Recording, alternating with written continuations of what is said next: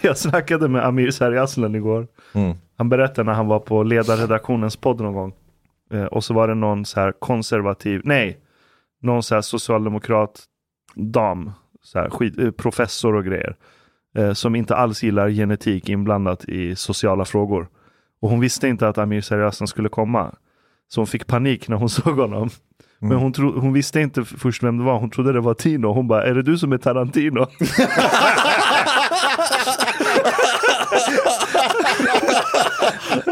Han bara, nej jag är inte Tino, jag heter Amir Sargaslan. Vadå, så hon ville hellre ha Tino? Nej, inte det heller antar jag, men det, But if she didn't want to talk genetics then... Fan vad Exakt. roligt att komma dit och bara så här, genetik är rasism, nazism, jag vill inte ha något med det att göra. Och så bara, du är väl den där invandraren också, Tino, Tarantino. exakt, det är så nonchalant. Det är så nonchalant. Vi kommer att prata mest engelska. Men, Det är helt okej. ja, du får gärna prata Ja. svenska. Det, ja, Eller norska, eller danska. Eller arabiska. perfekt. Ehm, är det någon som har sett Soran Ismail-filmerna? Japp. I, I På just saw it today actually. Nej, Du har inte sett den? nej. Orkar inte. Varför orkar du inte? Vi spelar in nu bara så du vet. Nej, det gör inte. Det är Jo, klart det vi gör. Ni jobbar som Uppdrag granskning. Japp. Ja. Fast vi säger att vi har mikrofoner. Nej men alltså jag ska bara ge lite bakgrundsstory. Så eh, SVT har gjort eh, en dokumentär i två delar som heter Persona non grata. Eh, om eh, Soran Ismail. Och det, och det handlar väl om så här, vad händer med en person som typ förlorar allt. And it's mostly from his perspective. Det är från hans perspektiv och And hans sambo och, hans. Yeah. och hans vänner. Eh, jag måste säga att det är otroligt snyggt filmat. Ja, det var riktigt snyggt producerat, men jag störde mig som fan på alla sådana här cutscenes när han är ute och promenerar. Och så, så här, eh, berättaren berättar, eller han själv berättar, att så ah, jag visste när jag gick ut hemifrån så tittade folk på mig. Och så fångar de upp folk som tittar mot kameran och försöker så här reenacta känslan av att bli uttittad på. Det, det är bara så fake. Ja, ja, det var så jag förstår. töntigt. Jag förstår. Ah, ja, skitsamma, parentes. Men, men Den vad, var bra producerad. vad tänkte ni när ni såg den? Uh, För den har ju fått, den har ju fått en backlash. yeah. When I saw the first half of it, the feeling that I got that this fucking guy is guilty. This is this is the feeling I got because, Jaså? but at least like from my own perspective, he, he was like describing like you know the I- I started to wonder what is the truth and like uh, they have their their upplevelse and I have mine. And I was like okay this is not how I would react if I was accused of rape and I know the person is lying. I'll be like no bitch you're fucking lying. I did not do this what you're saying I've done uh, and there will be more anger than shame I would not be ashamed I didn't do fucking thing uh, so for me, that that he was saying that he like feels shame and like uh, everyone has their own version of like uh, their experience and so on. I was like, okay, this, mm, come on, I don't buy that. Och, så, och som jag har förstått det så det är bara han som kommer till tals. Det är inga då som har anklagat honom för någonting som kommer till tals. Och det är huvudsak han som, som talar rakt igenom i den här eh, dokumentären. Jag, jag, jag finner det ganska ointressant. Jag hade tyckt det var väldigt intressant om man gjorde en dokumentär som handlade om de som blev anklagade i metoo och på något sätt blev utsatta för den digitala skampålen. Eh, men liksom hade någon form av eh, eh, bredare anslag, diskutera det här med generellt, låta olika röster komma till tals. Och då menar jag inte de anklagande och anklagade, utan mer eh, olika typer av experter inom juridik, etik och så vidare och ha den typen av diskussion. Ja, det, det, en sån här dokumentär tycker jag, liksom, det, det, det, är, lite, det är lite snaskigt bara. Liksom. Det tangerar gränsen till, till Paradise Hotel. Alltså den typen av kategori, tycker jag. Ut, utan att ha sett den, bara det intrycket jag har, har, har fått. Och det är väl okej att en sån dokumentär görs, men man kan ju fråga sig, är det public service som, som ska låta Soran Ismail komma till tals i en timme? Tveksamt. De hade tillfrågat tre av dem som hade anklagat. Två hade inte återkommit och en avböjde att medverka. Well, they Sen are kan in man, total three. Det, jag vet faktiskt inte. Men sen kan man ju förstå att eh, om de har blivit utsatta för våldtäkt så kanske inte det är världens roligaste grej att komma ut i media och prata om det. Nej, det, det, I kriminologin finns det ett begrepp som kallas sekundär viktimisering. Eh, och, och, och, det här är nästan någon form av det. Det är som att, att, att en journalist ringer upp en person då som eventuellt har blivit utsatt för ett ganska hemskt brott. Eh, och, och propsar på eller frågar om vederbörande vill vara med i någon form av dokumentär eh, om den här gärningspersonen då. Eh, om han nu är skyldig till det här, det vill säga. Det, det, det är lite etiskt tveksamt. Mm. Men att det är public service spelar ingen roll för mig. För jag menar, okej, okay, vi, vi, vi, kan ha våra åsikter om huruvida staten ska ta 8 miljarder och pumpa in det i ett mediebolag. Men om de nu ska vara ett mediebolag, då är det väl upp till dem vad de ska göra, right? Så ah. bara för att det är skattepengar som finansierar det så är konstruktionen Sveriges Television ett oberoende mediebolag. Så jag, jag, jag, jag vet inte, jag, jag, jag vill ju inte att staten ska hålla på med media överhuvudtaget. Eh, men nu när vi ändå har ett medium som ska agera som ett så kallat fritt objektivt medium. Då, då kan ju inte vi säga så här, det här är mina skattepengar, du borde inte publicera det här. Du menar att det snarare makes sense att de gör ett sånt här det program? Det makes sense. Ur ett medialt perspektiv makes det sense. För att ett sånt här program får spridning. Yeah, I personally don't think there's something necessarily wrong with it. But when I watched the second part of it, and there have been like some people who are asking him like, okay, what is it? Because he's I think some people reacted also among his his um, people that uh, his friends and so on that he's not really that he's not really saying that I didn't do it exactly. You know, uh, he, he's he he keeps saying yeah he, he's like he's saying that he didn't rape, but th- there are some things that he has done that are shameful and that he has like so, so he didn't like really spell out what is it that he has done that is wrong. Men han nämnde väl något exempel om att han hade typ smiskat folk och grejer. Det är kanske sånt. Alltså det han säger är att han har haft sex med hundratals tjejer. Och att de här sexakterna har varit lite speciella. Han har typ kallat dem för olika saker, men det har varit en del av okay, akten. Right, right, right. He did, he did han, han går ganska yeah, detaljerad in på yeah. vad han har gjort för sexuella saker. Och mitt intryck är att det han säger är att ni förstår, om man har, varit, om man har legat med så många tjejer så kan ju en eller två av dem få en annan uppfattning.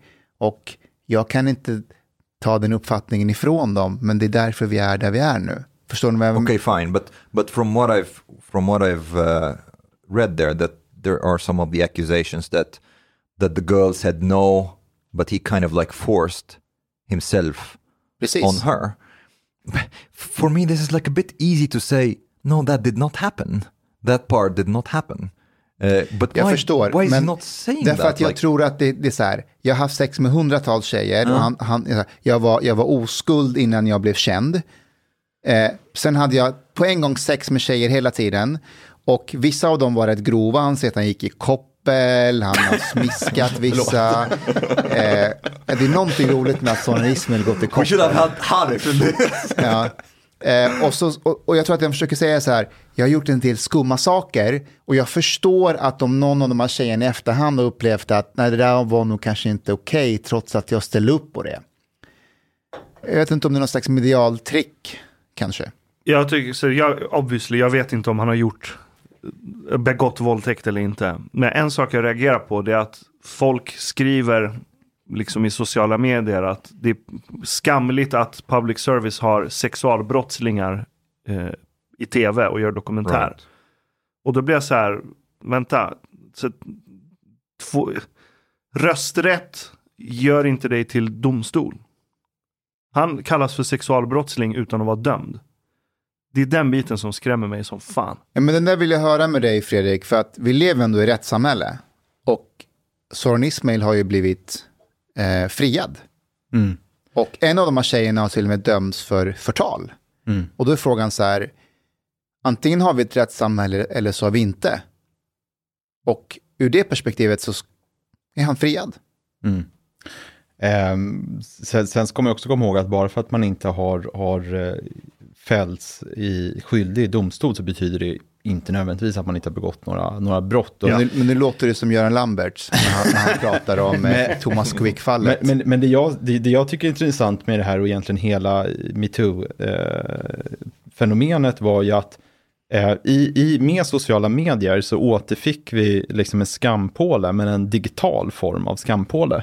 Folk skläpades ut på torget och bands fast och eh, gjordes till åtlöje och alla kastade tomater och spottade på dem. Um, jag, jag, finner att det är någonting ociviliserat med det fenomenet. Ja. Um, men, men frågan är hur man ska komma till rätta med det. Som det du säger då att personer skriver då på sociala medier, säkerligen från anonyma konton, att äh, liksom kalla honom för sexualbrottsling och så vidare, men utan att han är dömd för någonting. Eh, hur ska man komma till rätta med det? Jag vet inte. Eh, men, men det är definitivt ett problem. But, but then again also I think there is a sensitivity to, because most of uh, rapists, most of rape cases as far as I know, they are not really De blir inte dömda. End, yeah. Det är sant. And, yeah, and this is something I guess we can, we should be sensitive to. Har du någon statistik på det, Fredrik? Alltså, för det är väldigt få som blir dömda för våldtäkt. Ja, jag, jag, det har jag inte, men, men eh, om jag inte missminner mig så är det ju av, av alla åtal så är det ju en, en mindre andel av det som leder till fällande dom. Eh, med, med, med, reservationer för att jag kan, kan vara helt ute och cykla, men, men, eh, men, men så tror jag att det är. Eh, och det, det tror jag också är, är, är eh, oundvikligen att det förhåller sig på det sättet att, att många åtal inte leder till fällande dom. För att det handlar ofta om situationer där ord står mot ord. Ja. Det finns inga vittnen. Eh, det kan ofta vara så att man, eh, det, brottsoffret eller målsäganden menar att jo men vi, vi var intima. Eller vi till och med hade sex. Men det här och det här hände och det var inte okej, det gick jag inte med på.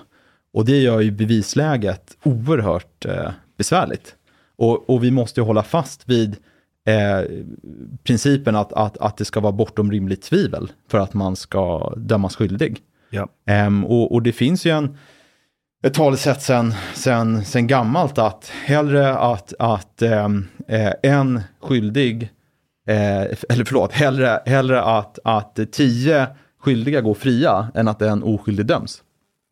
Eh, och det där tycker jag, trots eh, att det handlar om hemskheter det här, så, så, tror jag det är viktigt att hålla fast vid den eh, principen. Men det känns som att folk är just väldigt trötta på just den principen när det kommer till, till sexualbrott.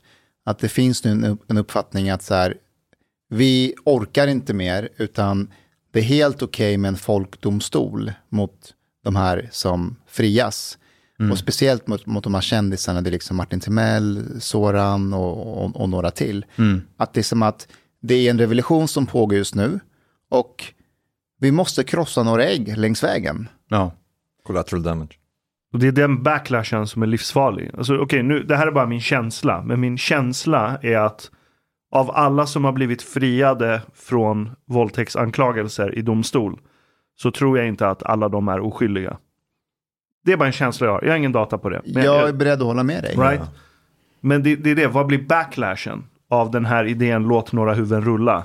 Mm. För att vår cause är så mycket viktigare. Och jag säger inte att den är oviktig, men det finns så många exempel i historien mm. på när folkdomstolen tar över och det ja. blir totalt kaos. Men, men eh, jag, jag, tror att, jag, jag, tror inte att tingsrätterna har låtit sig påverkas av någon form av eh, allmän stämning att vi måste döma fler. Det, det, det, tror jag verkligen inte. Och i sammanhanget kan man också komma ihåg då, apropå motsatta föreställningen att domstolar eh, är, är alldeles för, för skeptiska till kvinnors berättelser och det finns Eh, det, finns, det finns mycket berättelser då om, om hur domare liksom har ifrågasatt, eh, eller hur under rättsprocessen då, att ifrågasatt hur kvinnor varit klädda och så vidare. Mm. Idag, och sedan några år tillbaka faktiskt, så är det så att en majoritet av alla domare i Sverige är kvinnor. Och eh, sedan länge så är det så att en majoritet av alla åklagare är kvinnor. Um, mm, det visste men, jag faktiskt inte. Men, men, men jag, tror, jag, jag, jag, tänker också när allt handlar om det här att det, det, är naturligtvis viktigt, och det är någonting jag brinner för, att brottsoffer ska få upprättelse. Kan man döma någon skyldig på ett rättssäkert sätt så ska det ske och vederbörande ska straffas. Och har man begått en, eh, ett grovt brott, en ond gärning, så ska man straffas hårt för det. Men jag tycker ändå det är viktigt att hålla fast i de här liksom grundläggande rättsprinciperna, att vi ska ha höga beviskrav. Samtidigt så är ju, är ju liksom vedergällning, det kommer ju inte förebygga, alltså en, en, eh, förebygga den här typen av problematik. Så att jag tror man behöver jobba mycket mer med, med det förebyggande. Där tycker jag det har varit lite ett problem att, att man, man vill att allting ska bli föremål för någon form av rättsprocess. Em, vi har gjort en avgränsning eh, i, i, i Sverige och de flesta andra länder att alla handlingar som är olämpliga är inte straffbara. Ehm, jag får säga ganska mycket till dig här nu och du till mig utan att det på något sätt kunna bli en förolämpning eh, för, för, eh, för, för polisen och, och domstolarna. Um, och då har man ju bestämt det att ja, men, olämpligt beteende, men det får lösas i den mellanmänskliga interaktionen. Om jag beter mig som en idiot till dig får du säga, så uppskattar inte du beter dig, nu får du gå härifrån, nu slutar vi spela in den här podden och så ringer mer med det. Eller att man i, i klassrummet får vända sig till läraren och säga, Mustafa gjorde det här mot mig, eller på arbetsplatsen gå till sin chef om man inte klarar av att ta konflikten eh, eh, direkt. Um, och, och, och när det kommer då till sexuella ofredanden så är ju ribban väldigt låg eh, och vissa vill sänka den ytterligare och det där är jag lite skeptisk till. Alltså, Vad vill man sänka den till? Nej, men att i princip allt olämpligt beteende ska bli föremål eh, för, för, för, för, för polisen eh, och rättsväsendet. Och det, det, här kan du säkert också vittna om som, i, i, och du har stött på det i din poliskarriär Mustafa, att många, och nu pratar jag inte om sexualbrott, nu pratar jag om allmänhet, många ringer ju polisen för allt möjligt. Jag kommer ihåg en gång att eh, då är man, det här många år sedan när jag jobbade i yttre tjänst, man är ute och åker i polisbilen och så ropar ledningscentralen upp. Eh, och då, när någon har ringt in 112 då. Eh, anropar oss och säger så, ah, men ni måste åka till den här adressen. Eh, det, är, eh, det, är en person från allmänheten som har ringt sagt att den har barn som är äldre än papperskorg. Okej, okay, vi börjar åka dit, vi får telefonnumret till personen som har ringt 112. Vi ringer upp honom, vi ringer upp eh, den här vuxna mannen som har larmat 112. Alltså en fullvuxen man och frågar lite om omständigheterna. Och så säger han så här, ja, frågar vi liksom efter något signalement, ja, men hur gamla är de här? Ja, 11-12 kanske. Ja, vad, och vad, vad, exakt hände då? Ja, de tände eld på skräp i papperskorgen. Hur, hur, varför går han inte ut och säger till dem? Ja, gå och skäll ut dem. Gå och skäll ut dem. Ehm, och man ser samma fenomen i skolvärlden, att eh, liksom många skolor har som policy, att, att blir det bråk, så är det inte så att det blir ett samtal med läraren och rektorn och föräldrarna. Utan då gör man en polisanmälan om misshandel och så vidare. Eh, så, så det här är ju inte bara ett, liksom ett fenomen som är, som är koncentrerat till, till när det kommer till liksom sexual, eh, alltså interaktion mellan män och kvinnor. Liksom. Utan det, det är generellt i samhället. Tror du det är unikt för Sverige? Vet fan. Jag är benägen att tro att jag det kan också. vara ett skandinaviskt fenomen. Ja.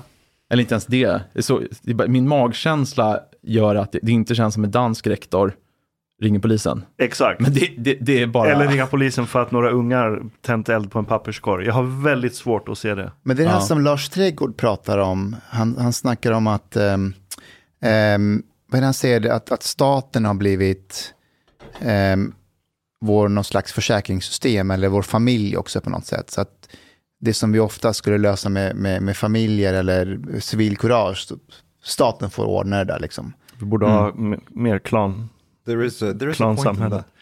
In Egypt, nobody would, would like would call the police at all in any of these situations. Ni har ingen polis. we have, but but the police like um, the relationship between the police and the people in Egypt is not really. Um, actually, it's interesting because first there was the the motto like the police is in service of the people, and then recently, like 10 years ago or something, they, they decided to change that motto because the police didn't like that they are in the service of the people. So, so they changed it to the police and the people are in service of the nation.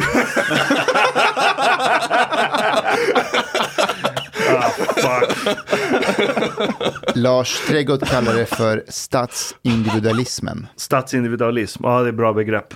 Det är bra begrepp. Och det, det är Sverige i nötskal. Du Fredrik, får jag läsa upp en grej som du skickade till mig? det beror på, vi har en lång chatthistorik. Jag vet, men jag vill läsa oh. det senaste. Hej! När du presenterar mig så får du gärna säga något sånt där. Fredrik Kärrholm, Kärrholm är polis, kriminolog, författare. Eh, och du har skrivit polishandboken som jag hade i min ficka. När du jobbade? Ja, det är klart. Kul, roligt. Ja, det är en sjukt bra bok. Alltså, vet du vad polishandboken är? Nej. I princip så står det allt du kommer typ stöta på i ditt jobb som polis. Och så är det så en sammanfattning på hur du ska typ agera. Så det kan vara så här, du åker på mord. Så kommer du dit och så tar du fram polishandboken. Då står det så här, okej, ehm, har, har personen blivit mördad, då spärrar man av.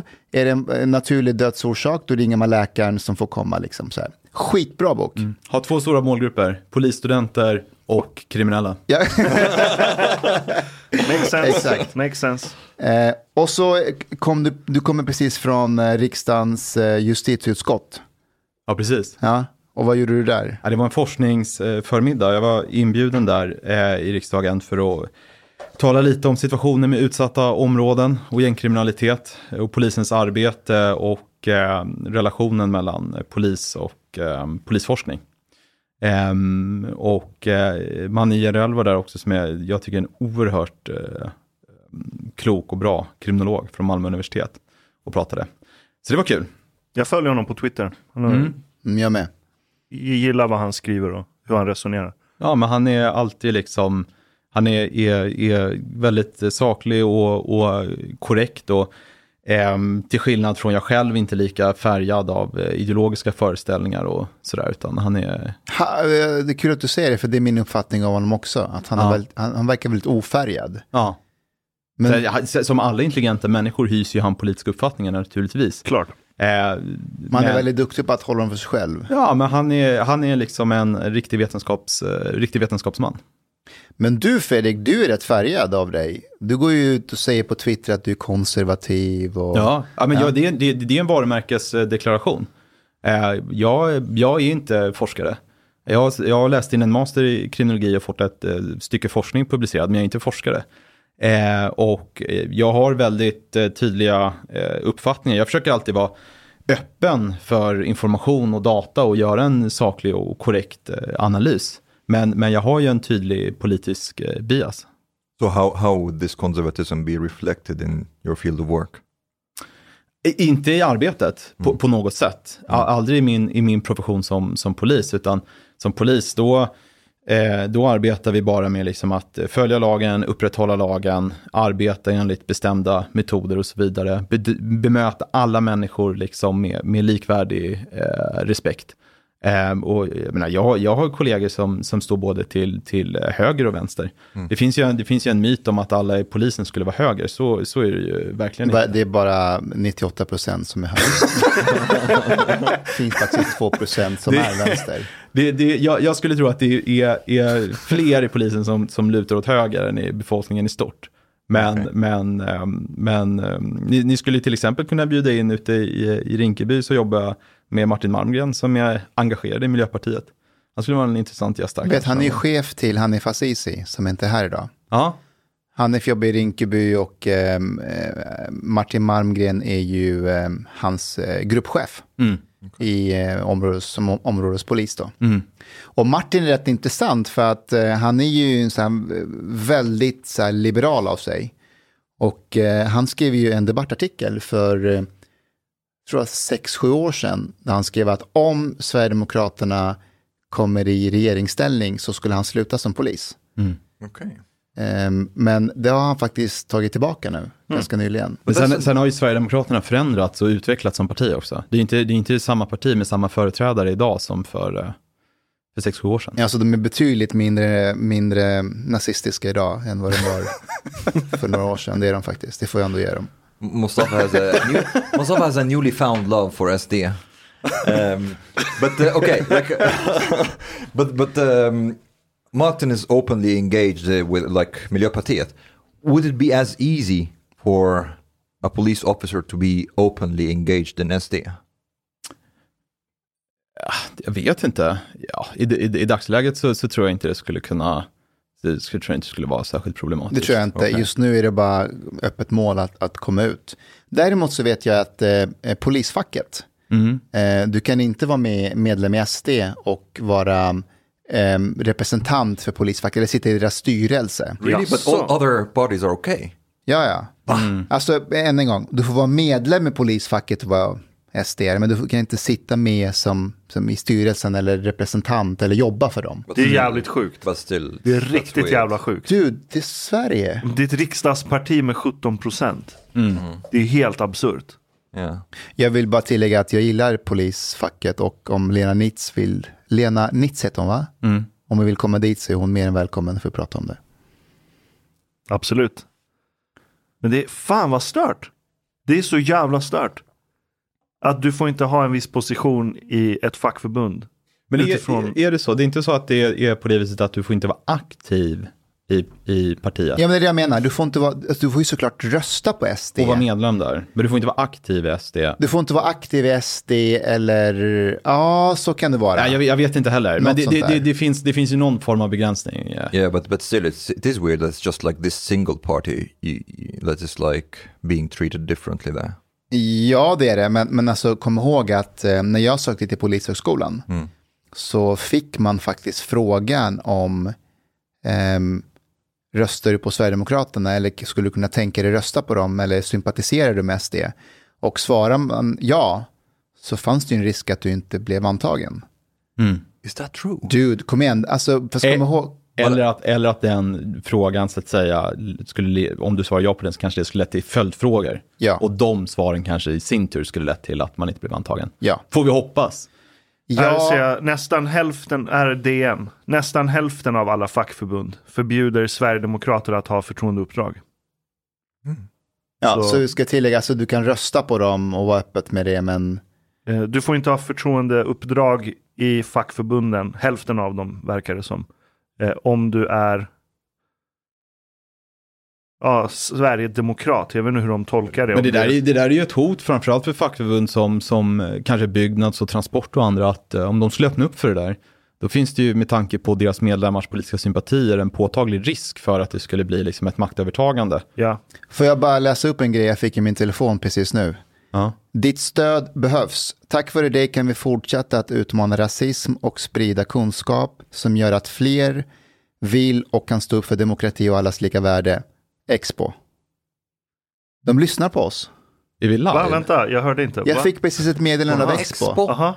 Tack, ditt stöd behövs. Stöd oss så att vi kan bekämpa ra- rasism och stå upp för allas, allas lika värde. Vart fick du det meddelandet? I min sms. Sms. Från Expo? Från Expo. A- apropå föregående avsnitt. Nej, jag vet inte hur de har fått tag i Alltså är det det. en det person konstigt. på Expo som har skrivit det Det är här? Expo-tidningen. Okej, men But det är I- inte I- bara ett massutskick? Det är ett massutskick. Ja. Varför får Jaha. du den? Jag vet But- inte. but not the pod. Jag är I inte, think- I jag är think inte medlem Du är inte i... med, du, du Jag är inte med. prenumererar Are you inte. sure? Nej, jag är inte med i Expo. it's a bit weird if it's about the pod.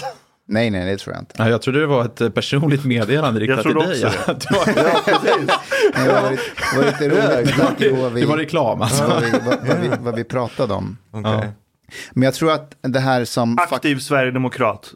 Då ska man avsäga sig sina fackliga uppdrag i Polisförbundet. Aktiv Okay, Sverigedemokrat. weird. Jag vill bara säga att, att, att det där är en sån skev strategi för att det spelar SD rakt in i händerna. Alltså Sverigedemokrater älskar offerrollen. Eh, att vara de, de mobbade. För då kan man bara spela på den rollen hela tiden och säga titta de behandlar oss dåligt.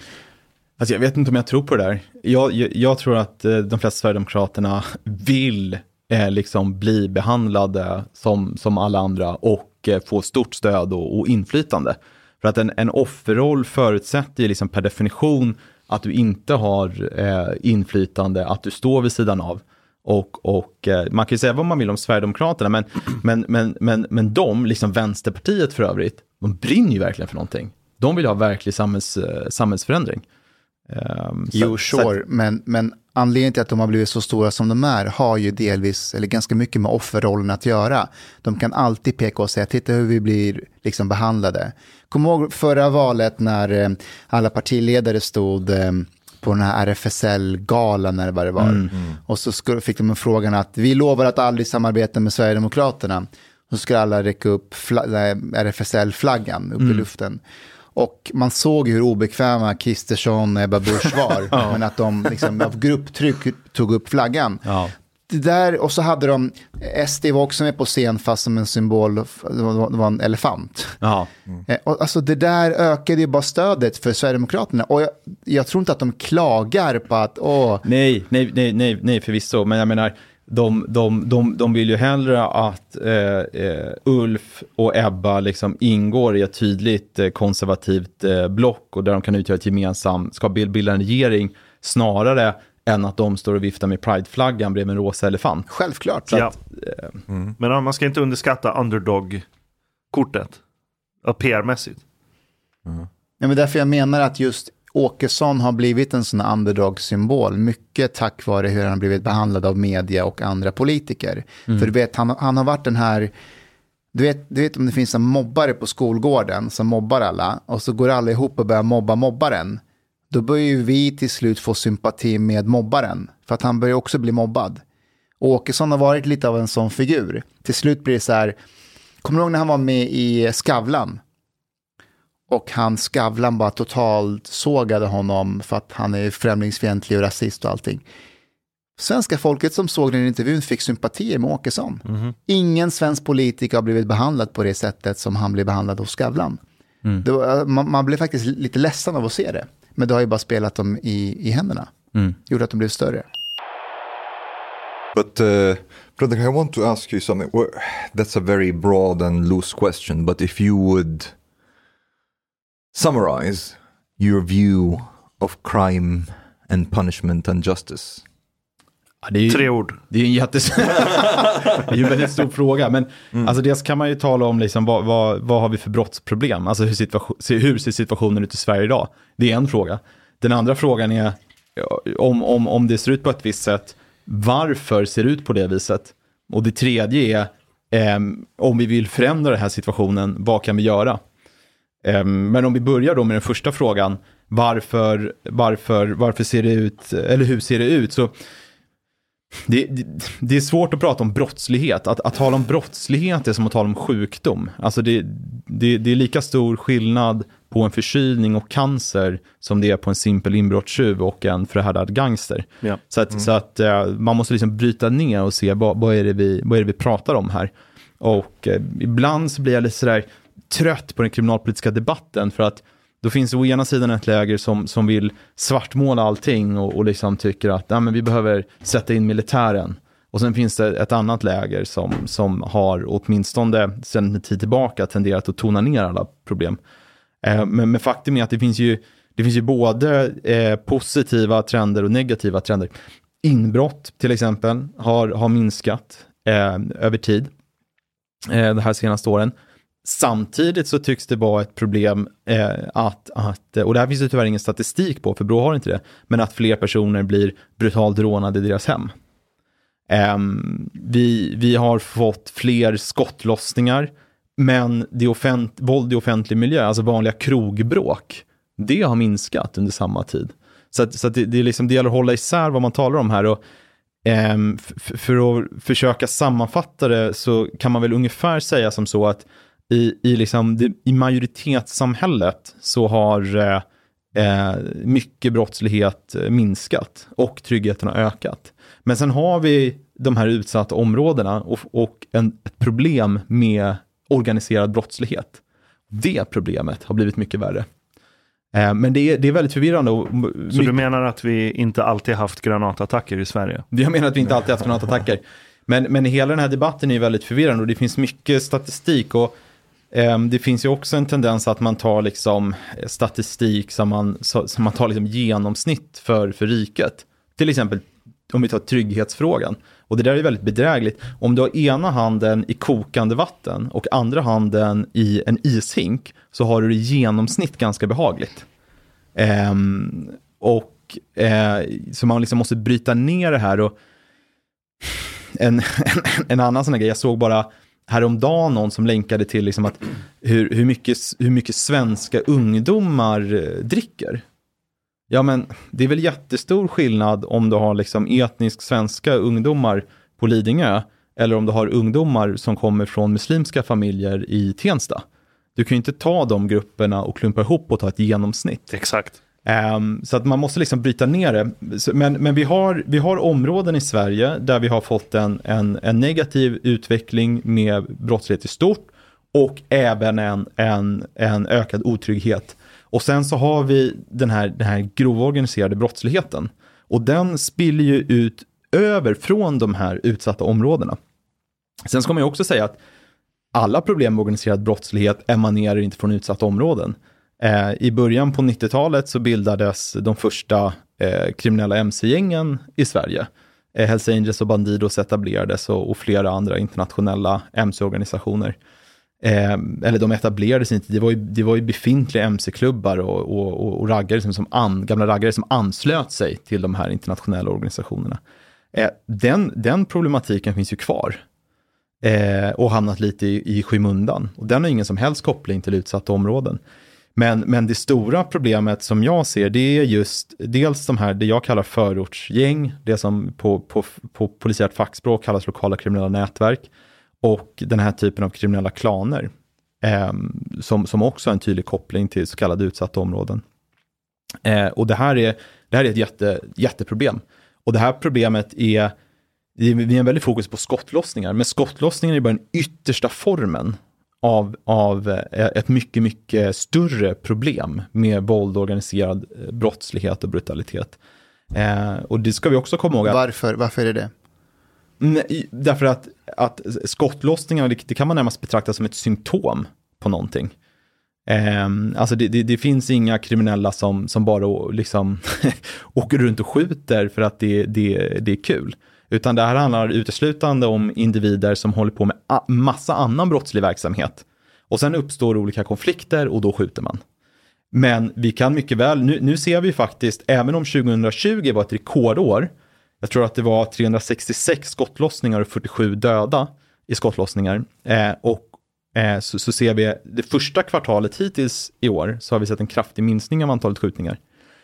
Men alltså skjutningar kan gå upp och ner, men skjutningarna de kan minska utan att problemet med organiserad brottslighet minskar. Alltså skjutningar är en ganska dålig eh, termometer på organiserad brottslighet. Och det vet ju alla som har sett någon amerikansk gangsterfilm. Liksom. Bara för att in, om italienska maffian skjuter på varandra eller inte har någon konflikt, så säger det ganska lite om, om omfattningen på deras verksamhet i, i övrigt. Det där är bara inflika, jag kände igen det där från när jag jobbade i Linköping. Mm. Då var ju Skäggetorp ett sånt där särskilt utsatt område. Och då hade vi ett gäng där som eh, sålde droger men också använde mycket våld. Och så var det under en period där våldsanvändningen i princip gick ner. Och då började man prata om att nu är det lugnt i Skäggetorp. Mm. Fast drogförsäljningen blomstrade som aldrig förr. Mm. Och de sålde liksom på dagis. Och, fast de hade bara kommit på att om vi ska vara i fred, då ska vi inte använda så mycket våld. Mm. Eh, så jag, jag, känner igen det du pratar om. Mm. Och, eh, och, och, och, det är, och det är svårt att mäta de här problemen också, för att det ligger i sakens natur att mycket av organiserad brottslighet är osynlig. Alltså om du håller på med utpressning, hela affärsidén är att den du utpressar ska betala och vara tyst. Um, och när man försöker mäta till exempel otrygghet, när, när, när, när Brå försöker mäta det utsatta områden så är svarsfrekvensen är väldigt låg. Det säger ganska lite. Um, jag tycker det säger mer om jag tittar ut från polisstationen i Rinkeby på fastigheten mitt emot så är det två tredjedelar av alla fönster i loftgången som har galler. Just det. Um, och nu ska man ju vara försiktig med liksom, att dra generella slutsatser utifrån individuella erfarenheter, men jag bodde själv ett halvår i, i uh, Akalla eh, 2016. Ehm, och då kunde inte jag ha mitt eget efternamn på dörren, för att jag är polis. Och mitt efternamn Kärrholm är ovanligt, så det är liksom en googling bort. Eh, så det fick stå Karlsson där. Och när, när, när jag kom hem en eftermiddag då, så blev jag också mycket riktigt konfronterad av eh, ett par killar som frågade vem jag var. Vad gjorde jag där?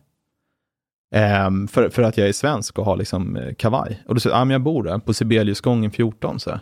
Jag har precis flyttat in där. Ja, ah, okej. Okay. Kolla lite misstänksamt mig. Så gick jag in där. Så ja, ah, men han bor där. Då, då är det grönt liksom.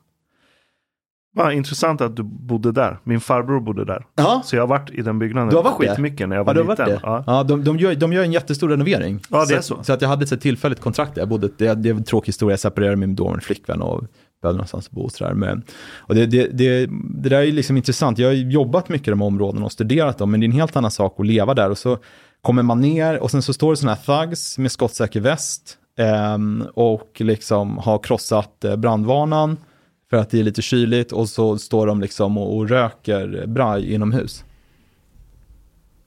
Um, och, Var det bra braj?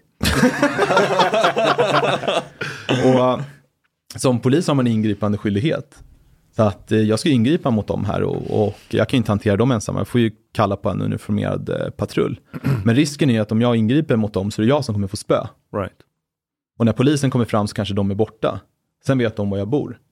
Så att det gjorde ju att jag, var, jag, jag diskuterade med andra liksom, poliser i området. Så, så, ah, men, så här, låt det där vara. Och vi, vi åker dit och kollar till, liksom, så där, försöker se. Jag ska bara tillägga en grej där. Alltså, det du beskriver nu, det är ju en, en, liksom, en liten promille av, av de här människorna som beter sig på det sättet vid trappuppgången. Hur tror du att de övriga som bodde i huset... Det, det är det som är min poäng. Mitt emot så bodde det liksom en, en, en man och kvinna som ganska nyligen hade kommit hit från Irak eh, med sin dotter. Och mannen åker ner eh, och liksom i, i ett normalt välfungerande samhälle så säger han till den här 16-17-åringen, vad håller du på med? Du kan inte stå här och röka, gå ut. Det gör han inte där. Utan han tvingas bara hålla sin dotter i handen, titta ner i marken och gå förbi. Och det är det här som är det stora problemet.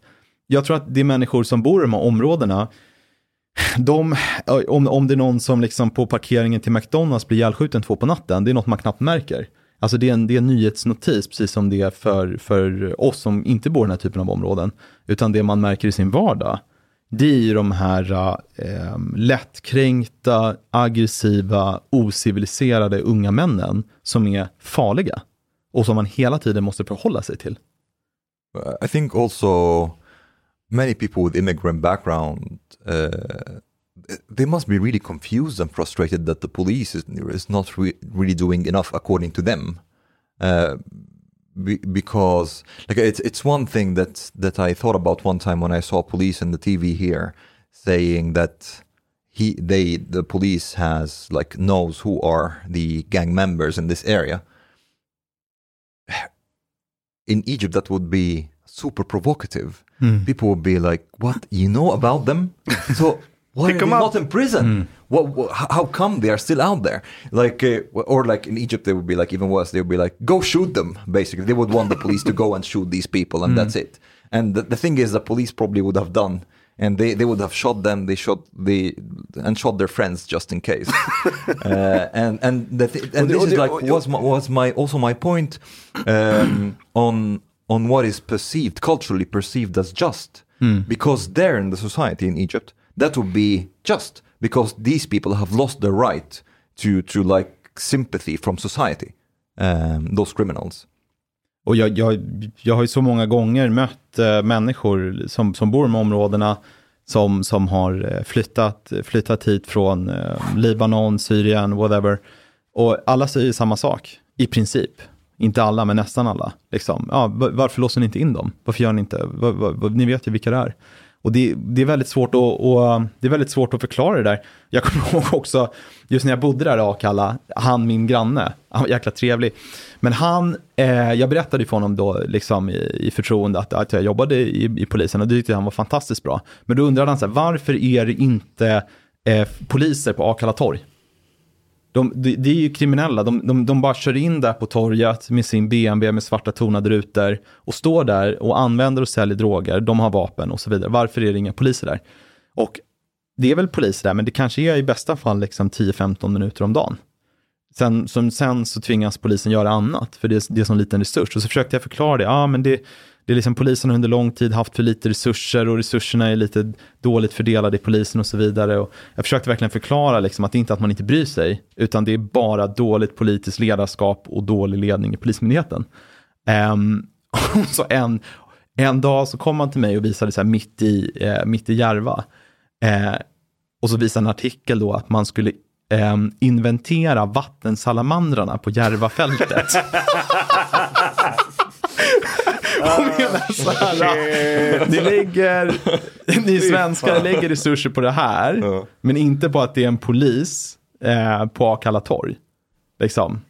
Påstå inte att så här, ni, ni, ni, ni bryr er. Bara, och, det, och då, då ja ah, men det här är länsstyrelsen och det är en annan budget. Du vet, det, liksom, ja, men allt kokar ju ner till ändå. Vad är det vi väljer att prioritera? Men det där är ju en sån här tipping point du beskriver någonstans därför att förtroendet för polisen är idag väldigt hög om man kollar um, enkätundersökningar.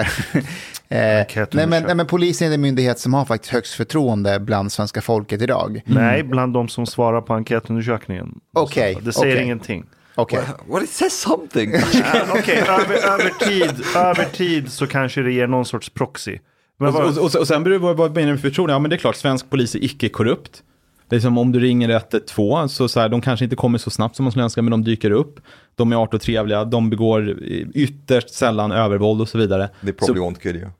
Så på det sättet kan man ha förtroende för polisen. Men sen en annan sak, har man förtroende för att polisen har liksom förmågan och förutsättningar att lösa problemen? Det är en annan fråga. Ja, Men det är det jag menar, att jag är lite förvånad över att det inte har eskalerat mer i våra förorter när det gäller de skötsamma som bor där när det kommer till förtroende till polisen. Alltså att, att man verkligen inte går ut och säger att det, det, får, det får vara nog nu. Vi, de här bortförklaringarna, man upplever att det är bortförklaringar med budget och prioriteringar. Varför gör ni ingenting? Det här, om det här hade pågått på Östermalm så hade det inte pågått så länge. Varför tror du att det får fortsatt pågå i Rinkeby till exempel, men inte i innerstan? Nej, jag tror, jag tror att det är de... Eh, tyvärr är det väl så att de, de, de borgerliga partierna, eller SD för den delen, som liksom framförallt förespråkar hårdare tag, även om Socialdemokraterna har, har lagt in sig på den linjen här nu se, senaste åren, så, så, så är inte de så närvarande som organisationer i förorter. Så att det finns inte riktigt något naturligt sätt att liksom engagera sig, utan det som har funnits har framförallt varit eh, Miljöpartiet, Socialdemokraterna, Vänsterpartiet och eh, då har det liksom funnits en, en, en tydlig agenda där, vad, vad man ska tycka om man går med där. Och, och då man har känt att nej, men det krävs liksom kraftigt eh, skärpta eh, straff och hårdare tag, ja, men det, det har inte riktigt funnits något, något forum, tror jag, att, att liksom engagera sig i. Ehm, och, och, och sen är det väl tyvärr så att det är överhuvudtaget många som inte heller, många unga som växer i området eh, är inte intresserade av att liksom har väldigt lite politiskt engagemang och många äldre har ju, det är ju språkbarriärer och så vidare. Eh, men, men, men det är intressant, jag, många av dem jag talar med, jag önskar att de hade funnits på, på, på Twitter. Jag skulle Eh. vilja se en studie där du frågar människor som bor i till exempel Akalla vad de har för förtroende för polisen. För jag menar, alltså... Bo, Men det finns, och det, det, det, Hur ser det, den ut? Ja, det, det är relativt högt. Det är, det. högt. Ja. Alltså, Peter Esaiasson, statsvetaren från Göteborg Just universitet. det, han gjorde dörrknackningar. Va? Ja, han, gjorde ju, han skrev den här boken Förorten eh, i, som utspelar sig, eller utspelar sig, han, han här i Norra Hjällbo och eh, Hisingen eller något sånt där. Och de har eh, förvånansvärt högt förtroende för polisen, eh, de som bor där. Det är bara det att de säger, men gör lite mer. Okej. Varför gör ni inte För det, mer? det är här jag får kognitiv dissonans. För att, eller det beror ju på, så frågan så här, vad har du för förtroende för polisen? Nu vet jag inte hur Esaiasson formulerade sina frågor, så det, det här är ingen kritik mot honom. Eh, Men så här, jag, jag har ett förtroende för polisen i det att jag tror inte polisen kommer fucka mig. Yeah, Jag exactly litar that. på Exactly that. en uniformerad polis i det här landet. Jag litar på att den gör det den kan och det den får i en given situation. Men jag har inte förtroende för att polisen har de medel de behöver för att lösa vissa problem vi har i samhället som är relativt nya. Och jag tror det är en allmän uppfattning i och utanför utsatta områden. Mm. Ehm, men, men, men, det, men det, eh, det, det, det är också så liksom att eh, om det hade varit så att eh, landets eh, chef, nyhets, nyhetsredaktörer eh, och, och eh, högt uppsatta politiker, om det var dem, apropå galler på fönster, om det var de som hade haft galler på sitt köksfönster, då hade man inte lagt fingrarna emellan. Jag tycker ett bra exempel var, om det var förra sommaren, så kommunicerade dåvarande chefen för lokalpolisområdet i, i, i, i Rinkeby att eh, eh, om det var i Husby eller Hjulsta, jag minns inte, men att då eh, det, det, hade, det hade hänt någonting och kriminella då, grovt kriminella hade sagt åt människor liksom, ja men gå hem på torget, det ska inte vara på torget. Gå hem härifrån. Eh, och sen då så gjorde omedel, gjordes det omedelbart en kritisk journalistisk granskning av det där. Så att det åkte ut en eh, någon, någon journalist eller två och började fråga människor liksom, jaha, det här, det här så kallade utegångsförbudet, för det här blev ju jätte, det blev ju liksom viralt. Det här utegångsförbudet, märkte du av det? Kunde du gå hemifrån? Var det någon som sa åt dig att vara hemma? Nej, och då gjorde de en stor sak av liksom, ah, men det här var fake news och det fanns det, utegångsförbud, det var överdrivet att tala om och det här var ingen fara. Men eh, jag bor vid Östermalmstorg. Om, om det hade varit så att eh, under Eh, en eftermiddag att det var någon på Östermalmstorg som sa liksom, ah, du får inte gå till Hemköp, du får inte gå till Östermalmshall, gå hem. Liksom. Ehm, då hade ju det blivit en skandal.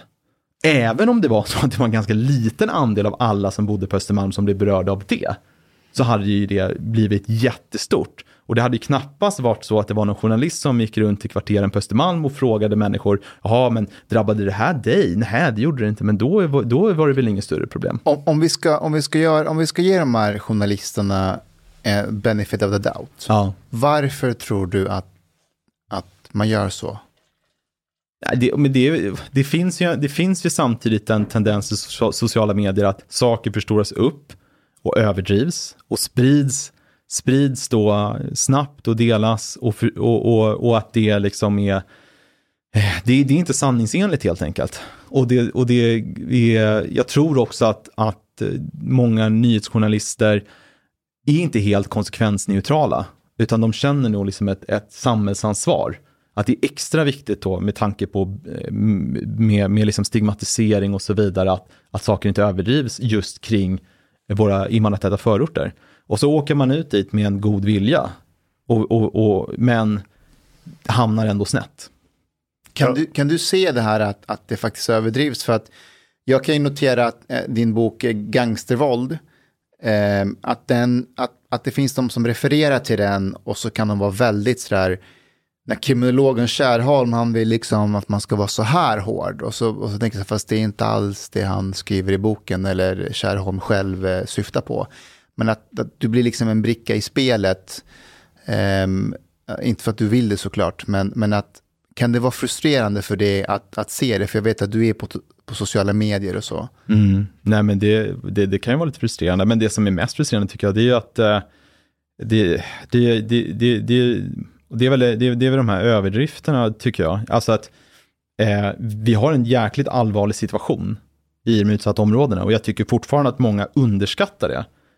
Men liksom, det, det, det, det är långt ifrån Johannesburg eller förorterna i, eh, utanför Washington eller Baltimore eller Los Angeles eller favelas i Rio de Janeiro. Alltså på, på den här skalan så ligger vi ju närmare Bullerbyn än favelas i, i Brasilien.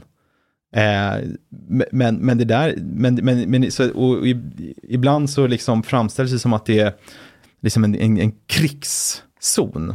Och det är det inte. Men det här jag menar, hur, alltså så här, ingen här i, runt det här bordet relativiserar de problemen vi har i förorten. Vi har ju pratat om dem vid, vid många tillfällen. Eh, jag har själv aktivt jobbat där och han är fascister som inte är här nu jobbar ju liksom där och vi inser allvaret där. Men hur stort ansvar tror du att vi har, eller du, eller politiker på högerkanten, att, att de går ut och säger att okej, det är ett allvarligt problem vi står inför, men det är inte favelan i Brasilien. Det, det, är, liksom, det är inte sharia-poliser som går runt och hugger av armen av folk. Eh, hu- hur ofta ska man säga just det där? Jag vet inte, det, det, det är väl bättre att bara tala liksom sakligt om de problemen som finns och försöka fokusera på lösningar. Ehm, sen vet jag inte om liksom, målande jämförelser eh, är så behjälpliga egentligen. Eh, sen, sen tror jag att de som har eh, liksom en, en uppfattning eller en föreställning om att det är en krigszon och att det är liksom, man behöver sätta in militären, jag, jag tror de, de är nog ändå ganska obenägna att ändra uppfattning. Jag tror en del av smärtan också ligger i att ja, men för 40 år sedan fanns inte de här problemen Nej. i den skala vi har idag. Mm. Även om den är relativt liten jämfört med en favela i Rio de Janeiro. Men, Men å, återigen, det, det är allvarligt. det är sjukt allvarligt och vi har inte haft de här problemen förut. Mm. Så jag tror man har liksom ett minne av att varför, så här behövde inte jag ha det. Mm. Jag behövde inte vara orolig för vilken ort jag åker till, vilken tunnelbanestation jag går av i och vilken tid det är på dygnet. Och hur jag ser ut bara för att jag är i en viss ort.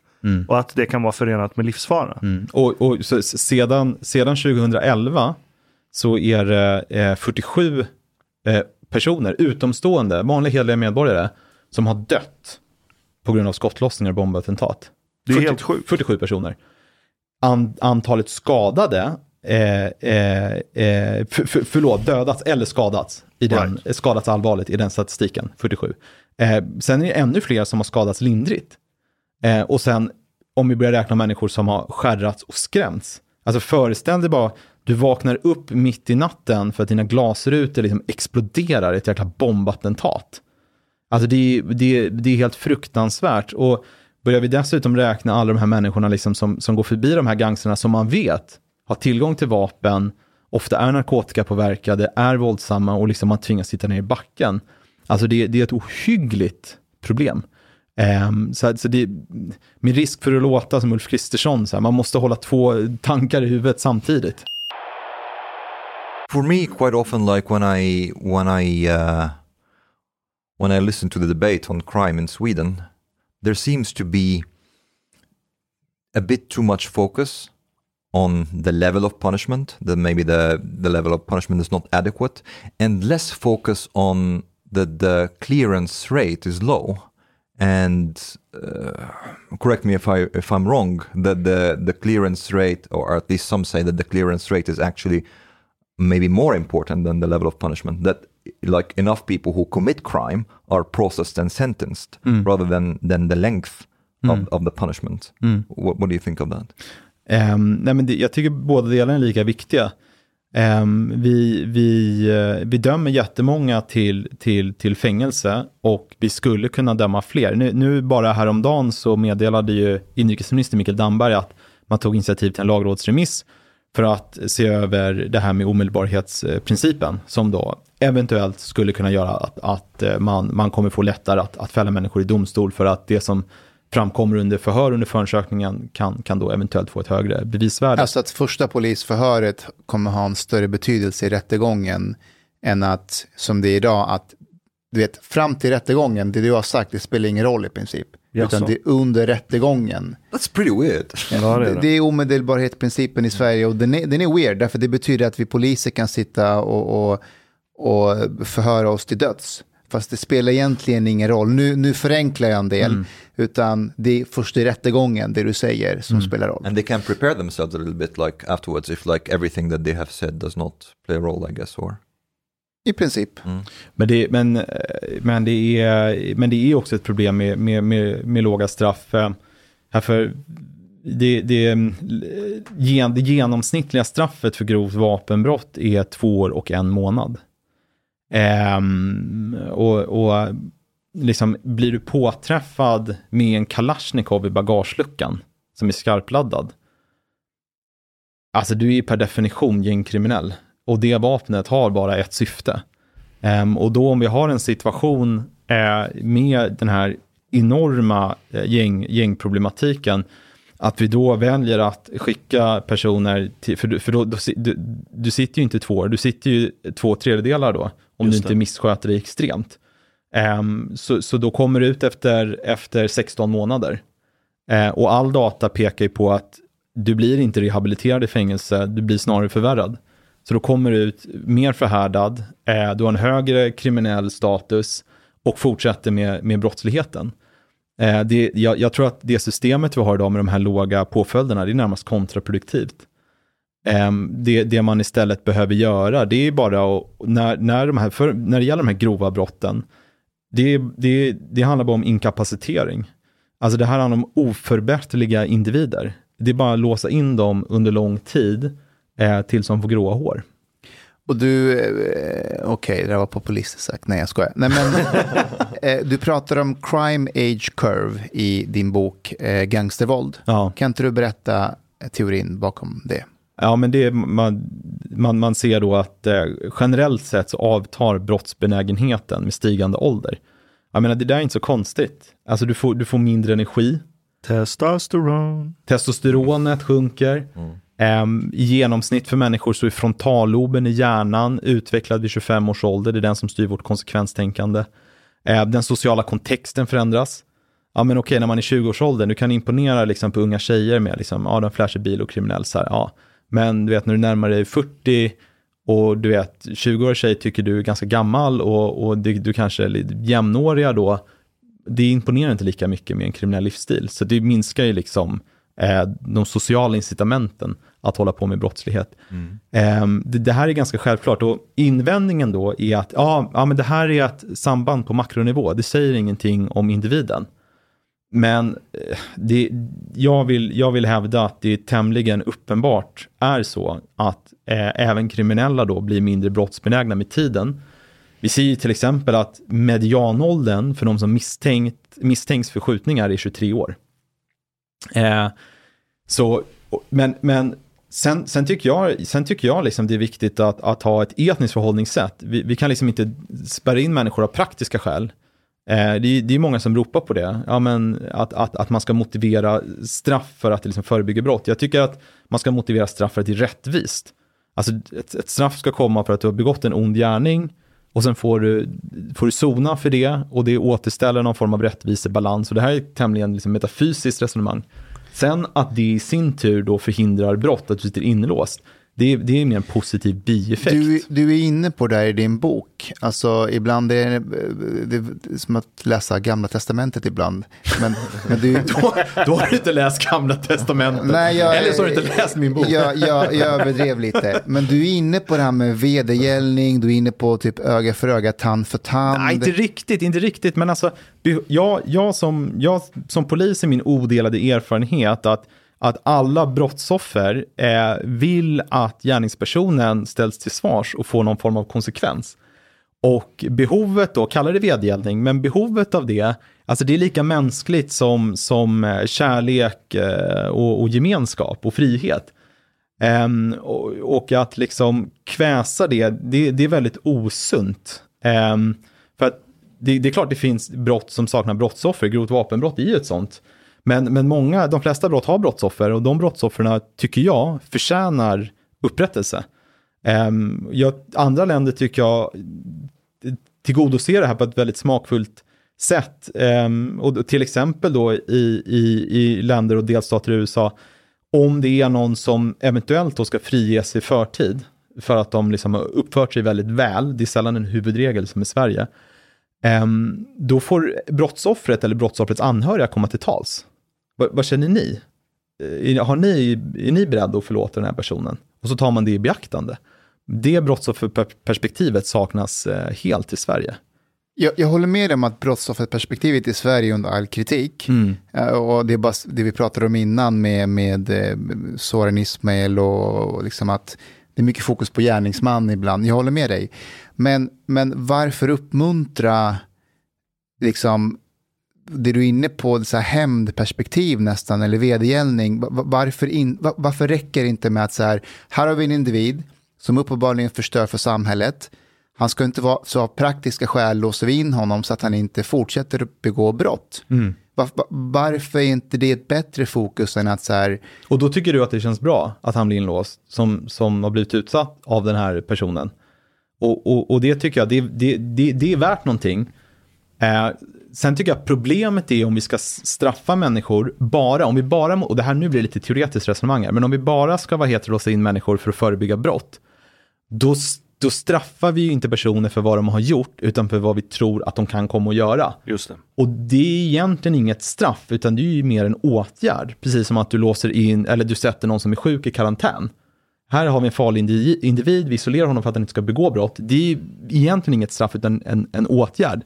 Fast jag förstår fortfarande inte varför måste det vara viktigt att, men, men, men att jag de ska sona jag, jag, jag, för tror, straff? jag, tror oavsett, jag tror oavsett vad man har för utgångspunkt så tror jag båda, om, oavsett om man liksom har mer praktiska skäl vill låsa in farliga personer, eller om man säger att hårda straff ska utdömas av rättviseskäl, så tror jag man kommer vara överens. För att eh, farliga personer, de är ju farliga för att de begår grova brott. Och eh, har man då uppfattningen att de här grova brotten ska straffas hårt, då kommer man ju mötas. Alltså konsekvensen blir, oavsett vad man har för ingångsvärde, så blir ju då utfallet att den här personen kommer bli inlåst under lång tid. Ja, för det blir en väldigt kletig och farlig väg. Att det blir minority report. Att så här, okej, okay, du har begått ett brott. Hur bedömer vi att eh, du kommer begå fler brott i framtiden? Det blir väldigt svårt att mäta. Och i vissa fall, i vissa fall nu föreslog ju Moderaterna förra veckan att, att man ville utreda förvaringsstraff. Det fanns i Sverige tidigare, det avskaffades 1980 tror jag. Eh, Sverigedemokraterna har velat införa det här, att man helt enkelt låser in farliga personer. Och jag kan tänka mig det i undantagsfall. För det finns, det finns individer som inte kan bli föremål för rättspsykiatrisk vård. För de är inte psykiskt sjuka. Men de är ändå i, i, i vardagstal, helt jävla sjuka i huvudet och farliga. Ta gryningspyromanen. Han kommer ju släppas här nu snart för att han har avtjänat sitt straff och har liksom eh, eh, tänt eld på hur mycket som helst. Och med all sannolikhet så kommer han fortsätta med det. Så det finns ju fall där man kan tänka sig något form av förvarings, eh, en förvaringsåtgärd av riktigt farliga individer. Men, men, men en minority report, det, det är ju liksom en dystopi. Det är ju Ja. hemskt om man hamnar eh, Soranism, man lå- låser in honom, för det verkar som att han kan begå brott. Eh, exakt. Det var, jag vill bara säga att det var väldigt tryggt i Minority Report. De hade inga mord i princip. But, but okay, like out of out of like uh, let's say a pragmatic way to see it, or uh, so I don't believe in free will. So for me, I would I would I would see what measures that should be taken in accordance with like incapacitation and deterrence. This is how I would like it to be. But I mean, practically speaking, pragmatically speaking, if we say that basically the the crime rate drops at the age of 25, for example, uh, and two people have committed a crime, one is 17 and one is 20. One way to see it would be to say, well, they would stay in prison until both are 25. You know what I mean? So one of them would have like a longer prison sentence, but it's, this is just out of a pragmatic perspective without like, you know, Du vill vända på ungdomsrabatten. Jaha, du är bara 11 år lille vän. 14 år för dig. 14 år. that's one way to see alltså jag, jag ser det praktiska värdet i det resonemanget. Men det, det, det blir återigen kletigt för då blir du inte dömd utifrån vad du har gjort. Du blir dömd utifrån vad du är. Mm. Och det här är ju filosofi och det finns ju olika Ja. uppfattningar. Och, eh, det är svårt att se, se, se någon, någonting rätt eller fel, utan det, fin, det finns helt enkelt olika uppfattningar. Men, men, men min uppfattning är att, att det är mer, jag lutar åt Kant och Hegel och att det är mer etiskt att straffa personer för brott de har begått. Mm. Ehm, och, och, och, där, och där ser ju också risken att om, om vi på något sätt ska börja prognostisera, vilket vi gjorde mer förr, Eh, Det var först med straffrättsreformen 1989 som vi mer övergick till att liksom titta på, på straff, gärningens straffvärde. Tidigare så tittade man mer på individen, vad individen hade för vårdbehov. Och då kommer man ju oundvikligen, om vi inte då som i Minority Report har en sån här superdator, eh, då kommer vi oundvikligen göra felaktiga bedömningar. Och, och, och, och då blir Mustafa inlåst eh, mycket längre än vad jag blir inlåst för samma gärning. Bara för att de bedömer att han då behöver... Så att det, det, det, det, finns, det finns en stor eh, risk för orättvisa med sånt system. Och av, av samma, jag har samma praktiska invändning mot till och med dödsstraff. Ehm, jag, jag tycker många förtjänar att dö. Men risken att vi dömer någon oskyldig, eh, det, det, det går inte att återställa det. Där är jag med dig. Och, och det har ju hänt i Sverige. Vi har ju haft personer som har dömts till mord i Sverige som det senare har visat sig att de var oskyldiga och sen har de friats. Och då är ändå den människan har förlorat ett antal år av sitt liv, eh, och, men då kan man ändå släppa ut dem, ge dem en kram och säga förlåt här för några miljoner kronor. Det är väldigt svårt att göra om man ligger död och begraven. Vad tänker ni om tanken att om man är återfallsbrottsling, liksom, du, gång efter gång så börjar du mörda eller vad det nu kan vara. Där du är en fara för samhället och så blir det återfall så fort du blir fri. Om man har någon sorts så här three strikes and you're out. Att gör du det här brottet tre gånger så då blir det en helt annan straffskala vi Ja. snackar om. Och, och, och det är också ett problem med svensk straffrätt att begår du många brott, så stra- det, det, det är ingen straffskärpningsregel att begå många brott, vilket det rimligen borde vara. Och återigen, om vi återknyter det till rättvisa, ehm, om, om, eh, om, jag har en, om jag har en, när jag var liten, om jag gjorde en sak fel, då blir mamma arg på mig. Om jag gör samma sak igen, då blir hon ännu argare. Om jag Ja. gör det tredje gång, då blir hon riktigt förbannad. Det, det finns en mänsklig logik i det där som vi har frångått då med vår, med vår eh, någon form av eh, behandlingstanke i Sverige. Ehm, och, och, och skulle man då straffa människor hårdare för att de begår upprepade brott, då, då, jag säger inte, man kanske inte behöver three strikes and you're out, men någonting åt det hållet tror jag vore framförallt rättvist, men det skulle också bli praktiskt, för att vi vet att det är en relativt liten grupp som begår nästan alla brott. Brottsförebyggande rådet gjorde en analys 2014 och identifierade 11 400 individer. Alltså 11 400, det är inte så mycket på en befolkning på, på, på nästan 10 miljoner som det var då 2014. De stod för 56 procent av brotten i undersökningen. Är det inte så att cirka 1% av befolkningen står för 60% av eh, grov brottslighet? Någonting sånt. Ja, precis. Någon sån fördelning. Exakt, liksom. när man tittar på, på, på brottsskada, crime harm, så, så är ju förhållandena ungefär sådär. Jag har gjort studier i, i Danmark bland annat som pekar åt det hållet. Alltså jag kommer få en stroke om typ fem år för all kognitiv dissonans jag går runt med. Men skit i det. Eh, För ett problem jag ser här i Sverige, stroke is coming now. det, det, det är så här, folkhemmet. Det lever kvar. Det finns kvar i själen. Det ligger där och puttrar under nästan alla diskussioner och resonemang man försöker föra. Och, och folkhemmet bygger ju, menar jag, det här står inte uttryckligen i någon text. Eh, men om du har idén om ett folkhem så kan du inte acceptera att det finns människor som är sjuka i huvudet och det inte går att lösa något problem genom att ha ett lite bättre folkhem.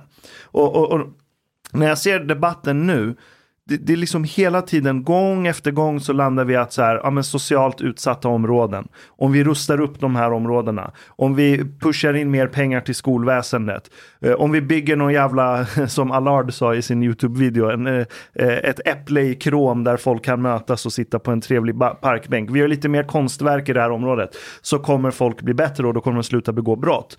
Men ingen av de här teorierna om att eh, social status på området.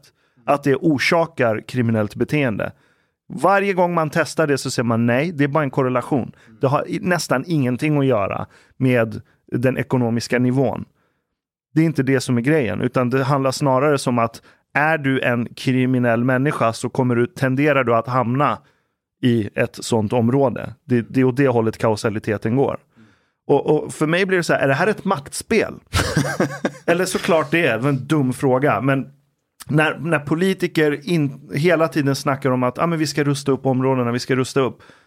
För att då går de ifrån det narrativet och säger att det finns människor där som är helt riktigt sjuka i huvudet. Ingen social insats kommer lösa det här. Nej, men det, här, det här bottnar ju i en, i en socialistisk människosyn. Ja, Alltså att, all, att människan är i grunden god.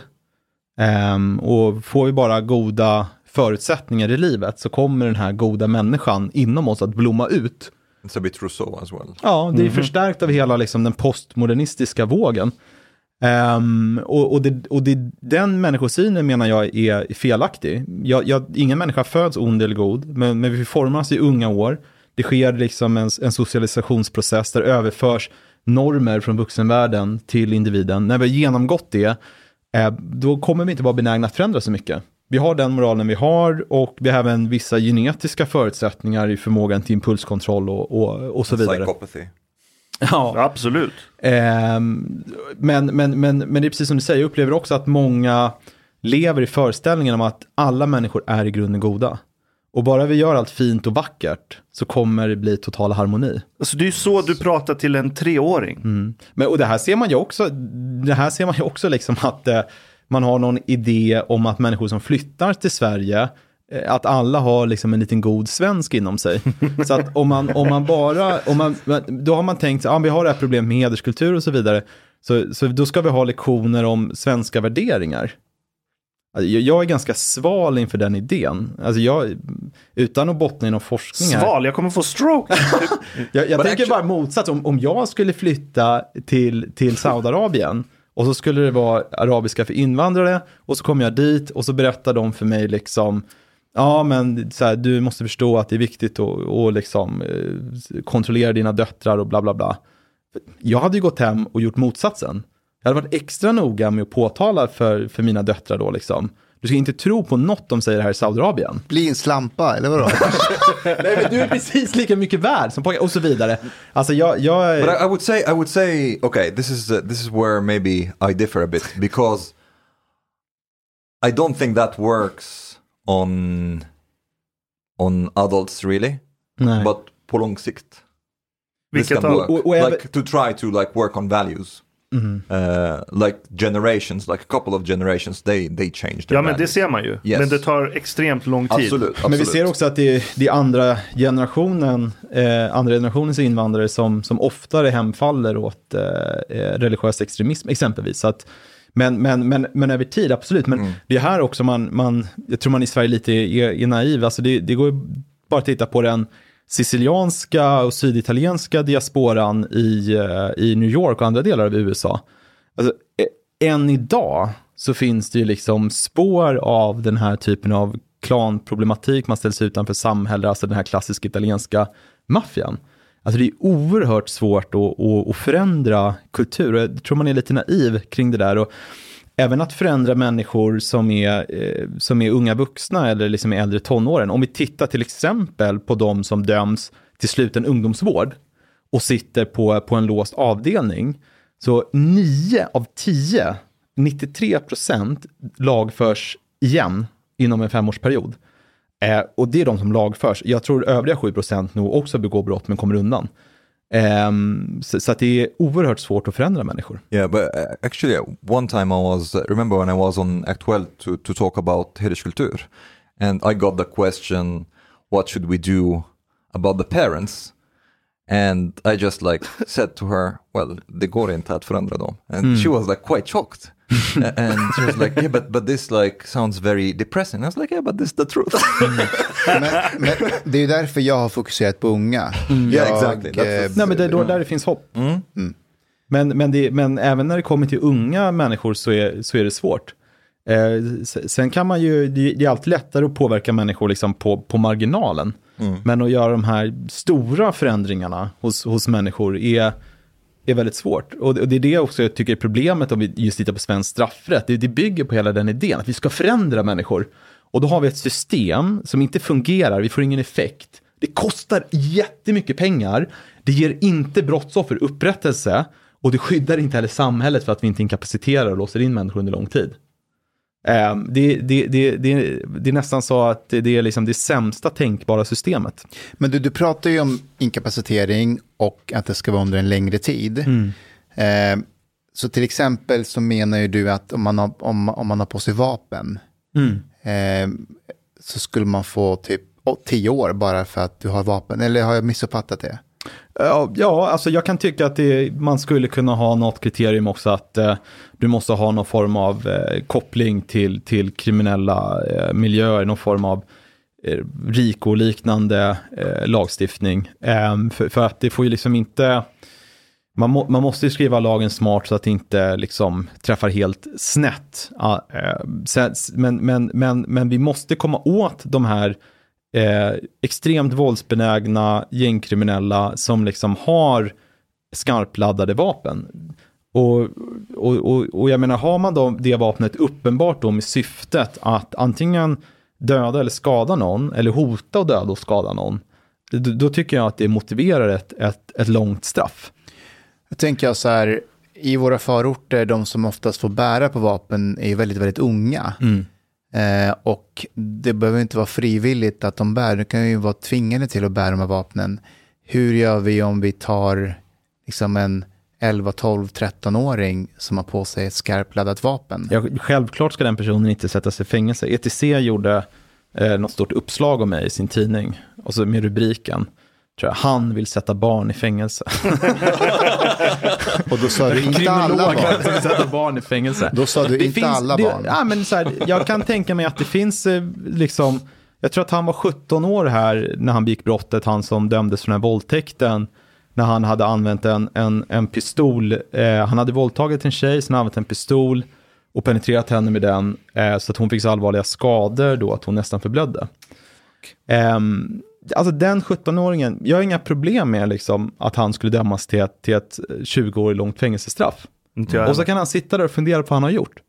Men självklart är det inte så att om du är 16, 15, 14 och liksom blir pålurad ett vapen eller tvingas göra någonting eller gör någonting, gör någonting dumt så, så, så ska man inte skicka dem till fängelse. Utan jag tycker det är, är viktigt att när det kommer till yngre individer som vi faktiskt kan påverka och hjälpa, att vi ser till att göra det. Och då är inte det bästa sättet att skicka dem till en institution i form av ett SIS-hem, utan det är att skicka dem till stödfamiljer som är rätt utbildade eh, och att man har liksom ett evidensbaserat program som faktiskt hjälper dem. Så satsa resurserna på det istället. Sen tror jag att det kan kombineras med ett straff.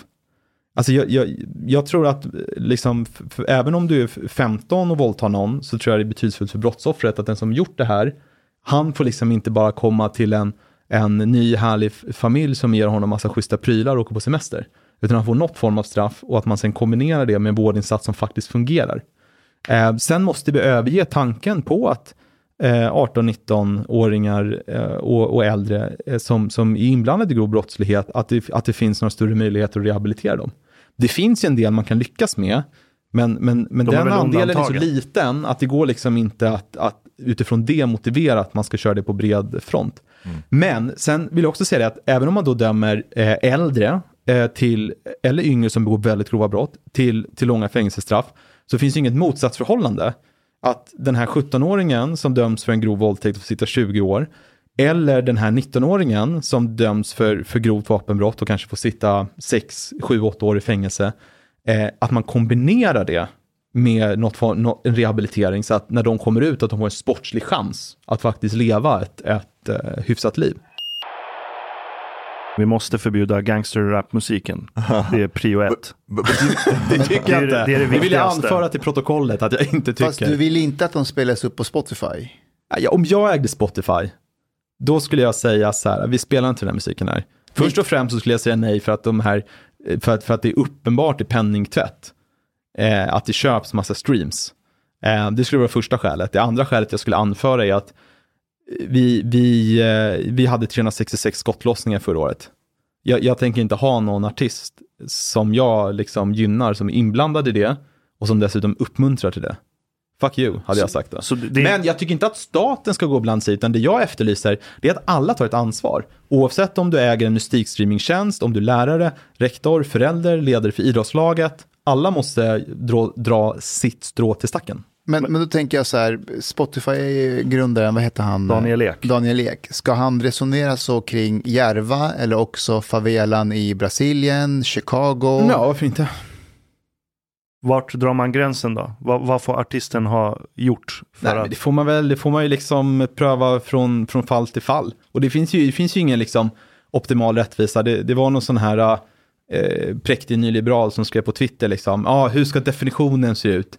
Ja, men vad 17, eh, liksom, det, man, man, man får väl pröva liksom från, från fall till fall och beroende på omständigheten hur stort problemet är. Om det finns en isländsk gangsterrappare så kan väl det må vara hänt. Men, men eh, som situationen ser ut i Sverige så tycker jag det handlar om ett samhällsansvar. men, tror, tror du att musiken har någon kausal inverkan på huruvida människor ger sig in i den här världen? Eller alltså väldigt lite. Al- Alltså jag har aldrig påstått att liksom gangsterrap förklarar det här, utan alltså den här gangsterrappen, först och främst så, så finns en gangsterkultur som är mycket större än rappen. Den här rappen är snarare en produkt av den här gangsterkulturen Right. som finns i förorterna. Sen så sker det ju en växelverkan, så att den här gangsterkulturen förstärker ju det såklart också. Och eh, eh, nu, nu, nu är det ju uppenbart så att de här eh, liksom svagbegåvade, eh, empatilösa gangstrarna inte skriver sin musik själv. Men den, den musik de får skriven åt sig och, och den de får hjälp att framföra med olika tekniker, den är väldigt bra. Och alltså, det är klart att bra kultur påverkar enskilda individer. Um, That's why Mustafa listens to Yasin. Nej, men det gör jag. Ja, och, och, och sen framförallt så ger det ju, det ger de här individerna en, en, en högre eh, status också. Och, men, det, men det stora problemet i utsatta områden, det är ju att det finns kriminella som är förebilder i verkligheten. Alltså som, som är där, som har liksom de snyggaste bilarna, de flashigaste klockorna, de snyggaste brudarna. Det är liksom, det är ett problem. Men äh, det, det, det finns ändå ingen... Det Men, men det in- hjälps ju inte av att den här musiken finns också. Ja, det vet jag inte, men jag menar det finns inte ens en korrelation mellan konsumtion av gangsterrap och utfall ute på gatorna. I alla fall om man kollar eh, siffror i USA. Mm. Så, för där kan du ju följa försäljning från att gangsterrap kommer till, tills att det slår igenom, eh, tills att det blir den dominerande subgenren inom hiphop. Mm. Eh, och, och så samtidigt kollar du liksom eh, ja, men, eh, våldsbrott som kan kopplas till, eh, till, till ga- gangsterkultur. Eh, eller gängmedlemmar. Eh, det finns inte ens en korrelation. So you don't think that a glorification of a culture can lead to a strengthening and reproduction of that culture?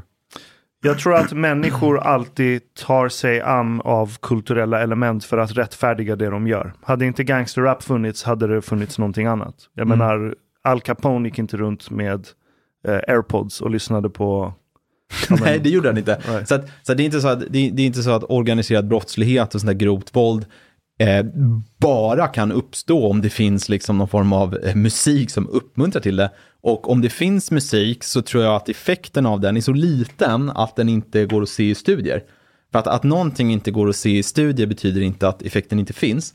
Men återigen, jag tror att effekten är liten, men, men sen är det också en fråga om etik. Liksom. Det, det är oanständigt att, att ge den här typen av artister uppmärksamhet. På samma sätt som jag tyckte det var oan, att det var oanständigt om man skulle ge eh, eh, vit, vit maktmusiker musik på 90-talet. Här har vi liksom invandrare som, som då levde i ett väldigt eh, eh, homogent Sverige. Liksom det, det hängde skinheads och var fulla på, på plattan. Eh, liksom var rädda för de här. Och så fanns det liksom musik som uppmuntrar den här kulturen och så vidare. Så sk- ska det spelas då i, i, i P3? Alltså jag, jag tycker inte det. Fast Ehm, spelar det inte någon roll hur många som faktiskt uppskattar den musiken också? Nu är det väldigt många som uppskattar Yasin. ja. Han är duktig, han når ut. Fan, han har, jag började lyssna med honom med lite förakt, men han lurade in mig. Jag vet inte om det skulle vara samma sak med vit, vitmaktmusik, att jag skulle bara, fan, Give it a try. de kanske har en poäng ändå. Ja, ja. Nej, men det är klart det finns, det är klart att det finns bra, bra vit maktmusik liksom. Va, vilka då? Berätta. Kan inte vi ha en Spotify-lista med, med Fredriks Olämpliga låtar. Olämpliga låtar. Nej men alltså jag, jag, är, jag är uppvuxen i utkanten av eh, Stockholms län, född 85. Så att eh, bara de som var liksom ett par år äldre än mig, så fanns det ju vissa skinheads liksom. Va- Vart växte du upp om jag får fråga? I Brunna. Jag kommer Brunna, ihåg- jag kommer ihåg jag var på en... Jag Vart ligger Brunna? När det ligger i utkanten av Upplandsbro. Ah, ja, ja, okej. Ehm, jag kommer ihåg jag var på en fest i Bålsta eh, och så var det en kille som, som tog hand med mig och så gjorde han liksom, svårt att förklara här nu på ljud, men att han vinklade upp handen med tummen. Så vi tog ett handslag och vinklade upp handen som en liten mini-heil. Han var några år äldre än mig, det var, det var inte riktigt rätt läge liksom, att diktera vilken, vilken musik som spelades. Så jag kom i kontakt med den. Och, om, om, om, om deras stil och värderingar hade liksom legitim, legitimiserats av medieetablissemanget, det är klart att det hade stärkt dem. Eh, det är jag helt övertygad om. That I buy actually. Jag tror inte det, för att, alltså, att identifiera sig med vit maktmusik. Ja. För du måste ju känna någon sorts identifikation med det du lyssnar på. Ja. Eh, och, om du tar liksom Yassins texter. Det handl- mycket av det handlar ju om att så här, man är underdog, man försöker ta sig upp, man kämpar med livet. Det tror jag många kan relatera till. Eh, och till och med totalt koppla bort gangsterelementet i det. Medan så här, ja, vita människor är bäst, alla andra är smuts. Det, det krävs många steg för att liksom Is börja there a lot identifiera of sig. fuck the police in Yasin's uh, music? Mustafa since you're Ja, han, han, han säger till exempel att ehm, hans tofflor eh, har han lagt mer pengar på än, än vad en polislön till exempel. Det var ganska bra rim tyckte jag lyssnade. För han har ju rätt. Vad fan när jag började. Gissa hur mycket jag hade i grundlön när jag började. 22, 21 och 3. 21 och 3. Ja, det är inte så Hade 20. generöst alltså. Jag tycker att Justins texter kan bidra till bättre polislöner. till polisledningen bara, så här kan det inte vara. But but uh, speaking of uh, Old Testament and eye for an eye in Egypt, uh, in in uh, several areas in Egypt, uh, there is this idea of, of vendetta. It's called tar. Uh, so basically, if someone in your family has been killed, you you refuse to accept condolences or hold a funeral, and you don't like you, you don't like get the police involved, and you hold the funeral and accept condolences only after you murder his murderer. Um, so so that is something that is, is common in some areas in Egypt. I I remember, so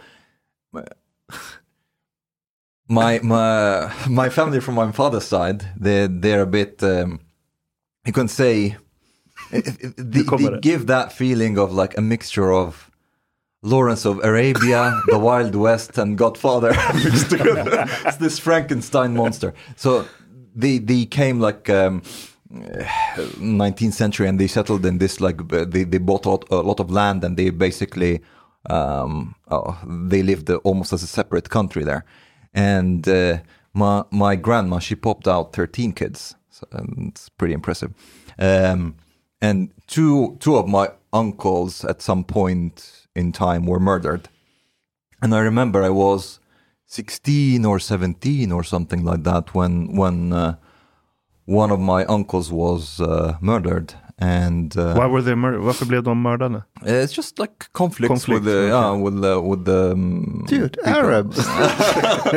with people nearby and stuff. And I remember going there, and and so basically all the family and stuff gathered in in in, in that uh, like uh, piece of land. And uh, I remember I asked my uncle,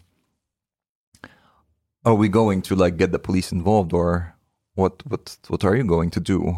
Are you going to kill that man?" Because we knew which who was he was, and my uncle looked at me and he was like, What do you think we should do? And I was like, I think we should kill him. then he looked at me like very proudly. Uh, nodded at me and smiled. Om du ska skriva Gangstervåld 2, Fredrik, så har du lite tips här. Ja, men jag sitter och tänker på det du berättade tidigare om, om, om den egyptiska polisen. Kanske, vi har ju polispris i Sverige, svårt att rekrytera poliser. Man kanske kan hyra polis från Egypten. Ja, Och då tänker jag, det kanske skulle, det kanske skulle tillfredsställa båda politiska läger. Det skulle tillfredsställa de som vill ha militär på gatan och de som vill ha ökad mångfald. Så alla blir nöjda. I will send you I will send you pictures and videos from from the like a, a police parade in Egypt. Uh, that looked interesting. Mördade ni farbrorn, den här gubben sen eller? Yeah. Seriöst? Yeah. Var, var, var du med? No, no, no. My uncle, he's the one who killed him. Men såg du det? Wow. Enligt 12 paragrafen i förundersökningskungörelsen så behöver du inte medverka i utredningen din egen skuld. Säg inga kommentarer. Well, that's okay in Det är Egypt. preskriberat. Av, avsluta nu. But why? Vä- vä- Vänta, Why? Why varför, he killed my uncle? Varför var du så tyst när Mustafa frågade var du med? Du, Aha, du svarade aldrig. Well, well, not not in the, not when he was killing him. Var du med på Facetime eller vadå? No, we were just there. Men vadå ni var där? Okay, well, Gick ni och kollade på liket liksom? so what? Såg, såg du liket efter att den här gubben hade blivit mördad? No, no, no. Okej. Okej, But I got a got a Vi går tillbaka och diskuterar gangsterrap nu, känner jag. Det blir- Nej, men jag, jag, jag, jag bara Eller, eller jag vill inte diskutera gangsterrap, Jag säga. förstår. jag är så trött på den debatten. Jag- jag Jag, skulle bara sagt att Jag inte har någon uppfattning. Fredrik, jag är helt med på det. Bara som en avslutning.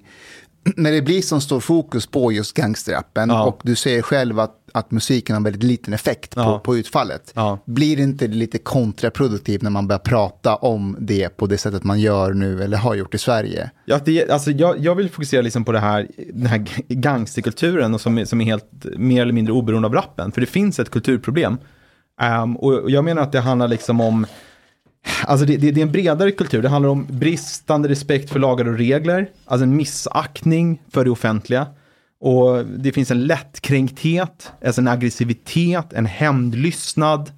Um, och, och alla de här, äh, allt det här liksom eh, framkommer ju i, i, i gangsterrappens äh, låttexter. Men, men de här värderingarna har ju inte uppstått och finns ju inte på grund av, på grund av den här musiken. Utan återigen, musiken är ju framförallt en, en produkt av den här kulturen. Och allt det här liksom står i, i raka motsatsen till majoritetssamhällets traditionella värderingar som handlar om laglydnad, tolerans, eh, respekt i ordets verkliga mening, vänlighet. Och, och någonstans har man bristit i att, att överföra de här goda värderingarna. För att den här jäkla gangsterkulturen, den, den, den finns ju inte i, i, i de här, de här unga männen och killarna i, i deras föräldrars hemländer. Utan den, den har ju liksom uppstått i svenska förorter. Um, och jag, jag ser det liksom ofta som en, en, en, det är som, det är som en häxbrygd, att det är mycket av de sämsta värderingarna från den svenska västerländska kulturen, från arabiska kulturer och amerikansk, eh, eh amerikansk gettokultur. Eh, så har man liksom bara knådat ihop det där till, till, eh, till någonting väldigt explosivt. Men var det inte lite folkhem som tittade fram där nu? När du sa så här eh, att vi har misslyckats med att överföra värderingarna. Jag menar, titta, här sitter Omar och har precis berättat om att ah, men de sköt ihjäl en snubbe för att han hade mördat din farbror. Ja. Och eh, du... They started it. Ja, och där, har, där, där, finns, där, finns, där, finns, där finns en värdering om hämndlystnad som är väldigt obra då, om, om den då blir en del av den här uh, getto eller gangsterkulturen eller förortskulturen. Ja, men jag menar, det, det har inte varit något problem för Omar att så här bara skifta. Och nu när, när du är här, liksom, Ja. du, du, du har inga problem med att man inte gör så här här i Sverige. Och, och jag menar, och vi nämnde ju det tidigare, att det är ungefär en procent som står för majoriteten av all brottslighet anyway. Eh, Så är det verkligen att man inte har kunnat lyckats överföra värderingar på den här lilla en procenten, eller är det för att den här en procenten helt enkelt bara är icke-fungerande individer i ett civiliserat samhälle? Nej, men eh, för, för varför finns inte den här, eh, varför finns de här problemen inte i, i samma utsträckning i Danmark, eh, betydligt mindre i Norge, Finland, Tyskland? Det kom en studie här som visade att, att i, i, av alla de länder man studerade då i Västeuropa så fanns det inget land där unga män sköt ihjäl varandra i så hög utsträckning som i, i Sverige. Och det här, det här måste ju bero på, på någonting. Jag har en spekulation kring vad det kan bero på. Ja. Att det inte är värderingar per se. Eh, eller jo, kultur har såklart en eh, skillnad. Det beror på vilken kultur du kommer ifrån, massa sådana här saker. Eh, vil, vilken social klass du tillhörde innan du kom till Sverige. Men jag menar, den sortens invandring som Sverige har haft, där vi inte följer till exempel FNs kriterier på vad som klassificeras som eh, någon som ska få asyl och så vidare. Eh, där det, mer, det har varit lite så här, har du lyckats ta dig över gränsen så prövar vi dig liksom per automatik. Har du den sortens öppna gränser som Sverige har haft så kommer ju det vara ett incitament som inte selekterar eh, potentiella invandrare helt slumpmässigt. Det kommer vara en viss liten kategori eh, människor som kanske är väldigt riskbenägna eh, och som är äventyrslystna eh, och eh, på impuls kan tänka sig göra saker. För jag menar, det är ju inte hur lätt som helst att ta sig till Sverige eh, olagligt. Så då får du en pytteliten andel av eh, de som har invandrat till Sverige. Så kommer du få en liten grupp överrepresentation av människor som eh, har drag som gör att de lättare Men då, kan då bli är du kriminella. inne på genetik. Ja, det är jag. Absolut. Ja, eller liksom att man kommer hit i, i, i vuxna år liksom, genom sin uppväxt i det landet man utvandrar från har, har formats till en viss individ. Men det där har jag också reflekterat mycket över att det är ett problem att om, om vi har ett system där, där om, om du är helt ärlig så kommer du missgynnas, men du har väldigt stora möjligheter att dra fördel av att eh, ljuga. Eh, du får ett utvisningsbeslut och följer du det så, så kommer du lämna landet. Om du obstruerar så, så kan du bli kvar och vi har haft eh, amnesti tider och det diskuteras igen. Så att, så att det, det är olyckligt att man skapar ett system som skapar den typen av selektion. Ja. Um, sen, sen kommer jag ihåg när jag pluggade i England och pratade med en kurdisk tjej, så, så sa hon det, hon bara, ah, Sverige, ah. Eh, alla mina lata släktingar har flyttat till Sverige, skojar med mig om. För att liksom, de, de som är driftiga och tänker att ah, men jag ska jobba och starta företag, har i högre utsträckning då valt eh, Storbritannien och USA, menar hon. Det är lite anekdotisk bevisföring. Fast, men fast det ligger någonting i det. Ja. Därför att, eh, alltså titta på oss tre bakom den här podden. Vi anses vara de icke-lata invandrarna i Sverige. Alltså, vi, I, ingen av oss har ett fast jobb. det här är ribban liksom. Vi är de produktiva invandrarna i Sverige.